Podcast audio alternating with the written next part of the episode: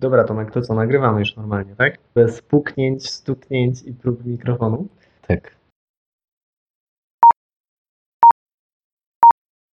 Pragmatyzm w IT.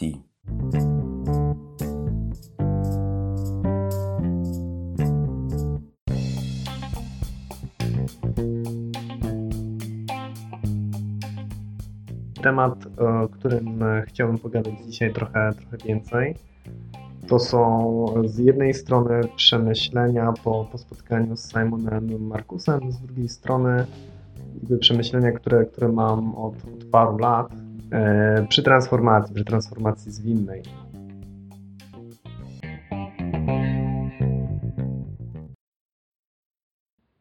Kim jest Markus?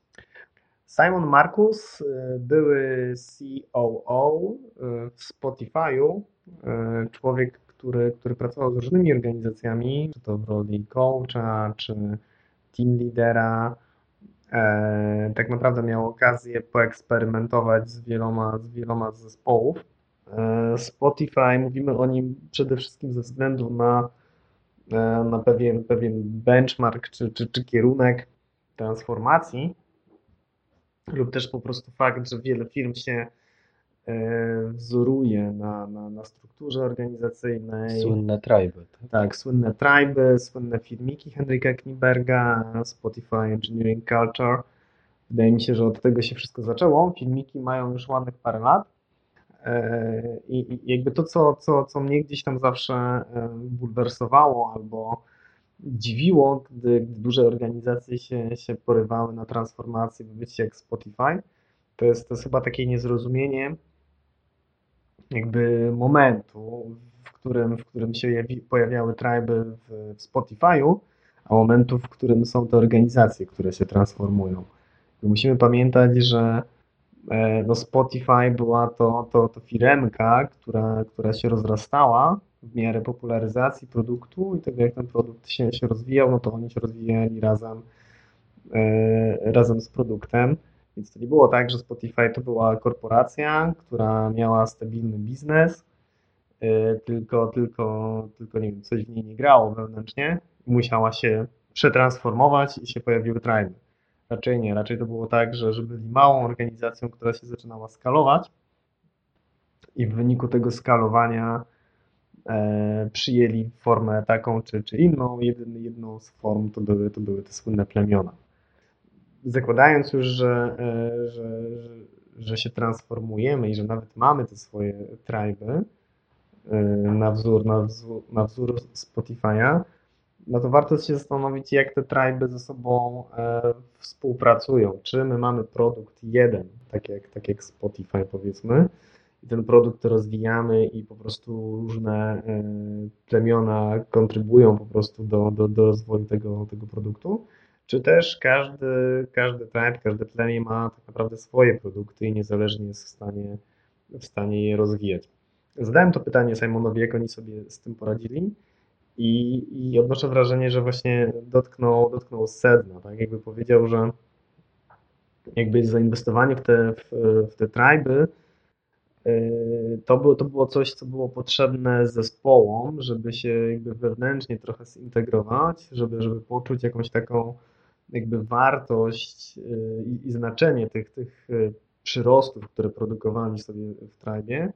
Natomiast bez wątpienia pojawiło się, pojawiło, się pojawiło się współzawodnictwo, czy takie, takie konkurowanie tribów ze sobą, takie bardzo lokalne przywiązanie do, do, do, mm, do feature'u niemalże. I, I Simon mówi, że, że były takie momenty, w których jakby patrząc na aplikację Spotify'a, dokładnie było widać, który, który tribe, który fragment zrobił, bo one ze sobą nie do końca jakby współgrały, nawet miały różne czcionki po, pomiędzy, pomiędzy komponentami, czy różne stylowanie.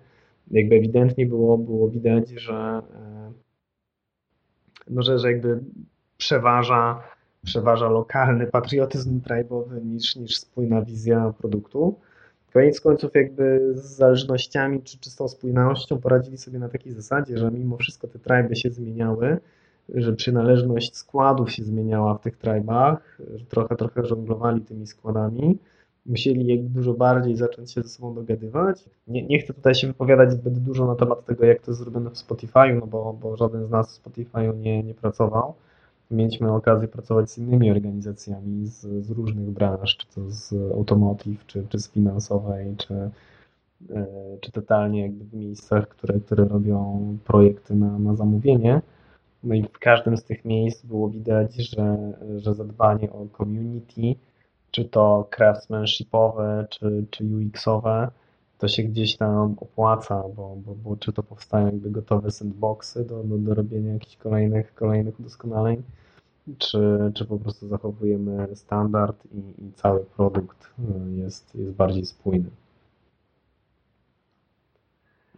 Ja się nad tym zastanawiałem? To jest naturalne. My lubimy być we swojej strefie komfortu, my lubimy robić e, pewne, pewne utarte e, schematy, powtarzać pewne e, rzeczy, które, które znamy, które, których inni mogą się od nas uczyć i prędzej czy później będziemy się specjalizować. Pytanie w czym? W jakim obszarze zespół powinien się specjalizować? I z jednej strony może się specjalizować na przykład na warstwie aplikacji, z drugiej strony może się specjalizować w jakichś konkretnych feature'ach. Mm, to są takie dwa przeciwległe bieguny. Z dwojga złego wolałbym, żeby zespół mimo wszystko specjalizował się e, w funkcjonalnościach, w feature'ach. Dlaczego? Czy w funkcjonalnościach można myśleć jakby domenę, czy też subdomenę e, taką biznesową, powiedzmy, tak? Tak, na przykład e, weźmy tego, z, z, tą aplikację Spotify'a, tak? Widziałeś, że, że, że, że, był taki moment w cyklu tej aplikacji, życia tej aplikacji, gdzie E, było widać, które zespoły, które konkretne fragmenty tej aplikacji e, implementowały. Dla mnie to jest ok, spoko, bo to działało. To, czego brakowało w tamtym czasie, to być może właśnie wprowadzenie jakichś ogólnych standardów, na które wszystkie zespoły są w stanie się zgodzić dla wyższego dobra, tak? bo musimy się zgodzić co do tego, że zespoły te produkują jeden produkt. Więc skoro to jest jeden produkt, to niestety musimy się umówić na, na mhm. pewne e, standardy, które dotyczą tego jednego produktu. I to nie oznacza, że my musimy się e, synchronizować, e, specjalizować w tych standardach. Tak? I z dwojga złego wolę mieć zespół, który, który specjalizuje się w featureze, a nie w, w konkretnej standardzie, tak? bo może moglibyśmy powiedzieć, no to skoro nie było to spójne, to, to w takim razie powołajmy zespół od UX-a i niech ten zespół dba o to, żeby cała aplikacja była spójna i, i róbmy warstwę pod tytułem frontend. Czy mi się, mi się wydaje, że to jest, to jest, kwestia momentu, w którym ktoś e, wpada na taki pomysł, czy, czy o tym decyduje, bo jakby w momencie, w którym już mamy aplikację, która ma sporo fajnych funkcjonalności, wiemy, że użytkownicy, użytkownicy z tego korzystają, wiemy, że ona przynosi wartość biznesową, wtedy jak najbardziej jakby y, jako właściciel takiej aplikacji powiedziałbym, dobra, uspójnijcie to, żeby to wyglądało porządnie. Teraz wiemy, że każdy chce tego używać, ale niech to ma jeszcze jakiś taki spójny smak. Natomiast to, czego ja nie lubię w organizacjach, a to jest znakomita większość moim zdaniem y, podejść, które się widzi, to to są momenty, w których jeszcze ktoś nie, e, nie zakodował linii kodu, tak? Jeszcze jakby nie ma obietnicy zaistnienia danego feature'u, a już jest powoływany zespół, który jakby debatuje nad stworzeniem standardu. Nie? Jeszcze nie zrobiliśmy żadnego, naprawdę jakby żadnej wartości biznesowej nie wdrożyliśmy, ale już od wielu miesięcy twarzą, trwają prace nad, nad standardem, bo przecież jak zaczniemy wdrażać, to to musi być zgodne ze standardem. Jakby to są elementy, w których, w których ja nie lubię standardów no wiesz, yy, ale ja dokładnie z Tobą się zgadzam. To, to, to, nie, o to yy, nie o to chodzi, żebyśmy teraz spędzali miesiące czasu na tym, żeby wymyślić yy, metodę, jaką metodą wybierzemy metodę głosowania. To mniej więcej do tego się sprowadza. Więc nie, nie o to chodzi, żebyśmy miesiące spędzali nad tym, żeby, nie wiem, wymyślić jakiś super generyczny framework, który rozwiązałby wszystkie nasze problemy, bo szkoda na to czasu i nie o tym jest Agile, tak? Raczej e, spróbujmy zdegenerować sobie jakąś aplikację, zobaczymy jakie będziemy mieli problemy i, i te problemy na bieżąco rozwiązujmy. Uczmy się po prostu na, na błędach, które, które mamy, więc nie, spodziewajmy się tutaj, że zapobieżniemy temu, że w którymś momencie w naszej aplikacji robionej przez 20-30 składów po 7-8 osób dojdziemy do takiego etapu, gdzie ona nie będzie spójna i nie wiem, e, zaproszenie jednego składu do, do pomocy drugiemu składowi, no będzie to wyzwanie i bądźmy tego świadomi. I nie próbujmy temu problemu na, naprzód, zawczasu e, zapobiec, bo pójdziemy w stronę planowania architektury, takiego urbanistycznego. Tak? Tutaj taki klocek, tutaj taki i te klocki ze sobą gadają bo generujemy sobie kolejny problem w postaci integracji. Zupełnie większy problem. Zupełnie, zupełnie większy, bo zaczniemy wydawać pieniądze na coś, czego, co jest mega uniwersalne, ale jest do niczego. Nie da się tego używać, nie da się tego wykorzystywać, w międzyczasie, nie wiem, biznes się zmienił. Jeżeli nauczymy się tworzyć aplikację, która, która cały czas działa i która tak na dobrą sprawę, w której cały czas możemy na bieżąco wprowadzać szybko zmiany, no to to jest chyba o to, o co chodzi, tak? I przy takiej pracy, biegu, w sprintach, no bo sprint to w końcu bieganie, może się tak zdarzyć, że gdzieś się potkniemy i bądźmy na to gotowi. Tutaj przy okazji tak naprawdę parę słów jeszcze o, o Agile jako takim. Simon powiedział też coś, co, co z, z czym się bardzo, bardzo zgadzam i jakby co trafia też jakby w, w moje postrzeganie Agile'a. Bo on powiedział, że że, że przynajmniej w momencie, w którym on był, albo to, na, na czym jemu zależało, dokładnie mi tak samo na tym zależy, pracując z zespołami, to był Agile bardziej w duchu w duchu manifesto, czyli tych kilku, kilku zapisów, e, e, które znamy, niż super, super mocne jakby doktoryzowanie się z całego, z całego frameworka i tak dalej. Ja odnoszę wrażenie często przy transformacjach, osoby zamawiające koncentrują się właśnie na, na tej mechanice, na tej, na tej jakby na elementach po prostu, po prostu samej metodyki, e, szczególnie, szczególnie Scrama, czy, czy jakiejś wersji skalowanego Scrama, e, a nie, do, nie dostarczaniu, dostarczaniu wartości, czy, czy, czy interakcjach po prostu międzyludzkich.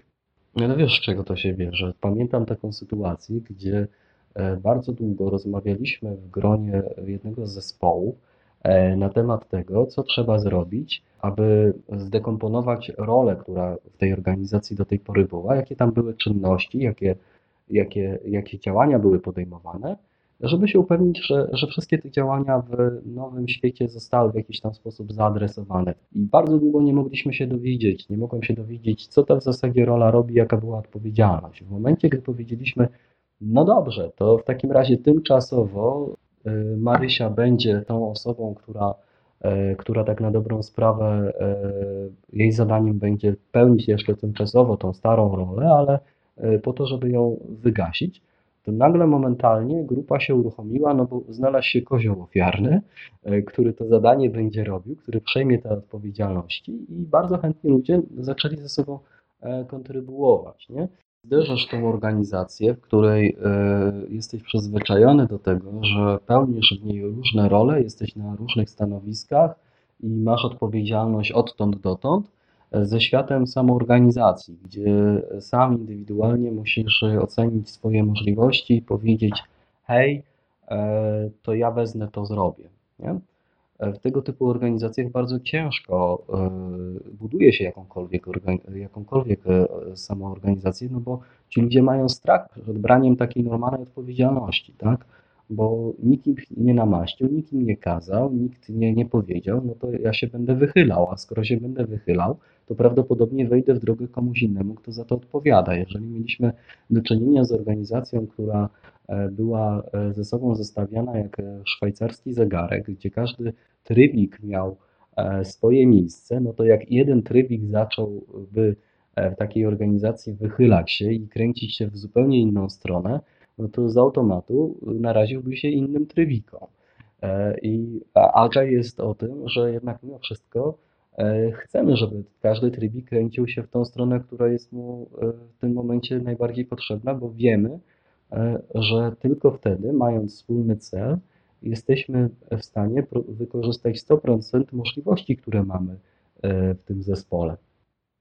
E, Jeżeli mówimy o transformacji agile'owej, e, bottom-up czy e, top-down, myślę, że tutaj czasem łatwiej jest zacząć od top-down w firmie, która, która była hierarchiczną, właśnie po to, żeby od góry e, spróbować zmienić sposób patrzenia. I zacząć to nie znaczy, że tym trwać, bo równolegle, a dosłownie dwa kroki za, powinniśmy rozpocząć transformację bottom-up, e, pracę z ludźmi, pracę u podstaw i w którymś momencie te dwie transformacje powinny się zetknąć ze sobą w, w jednym punkcie. Dopiero wtedy ta organizacja będzie szła w jednym kierunku.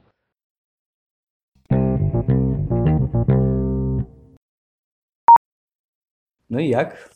E, Myślę, że poszło nieźle, natomiast w kolejnych odcinkach dobrze byłoby popracować nad dynamiką i trochę różnorodnością wypowiedzi, bo póki co były to dwa monologi.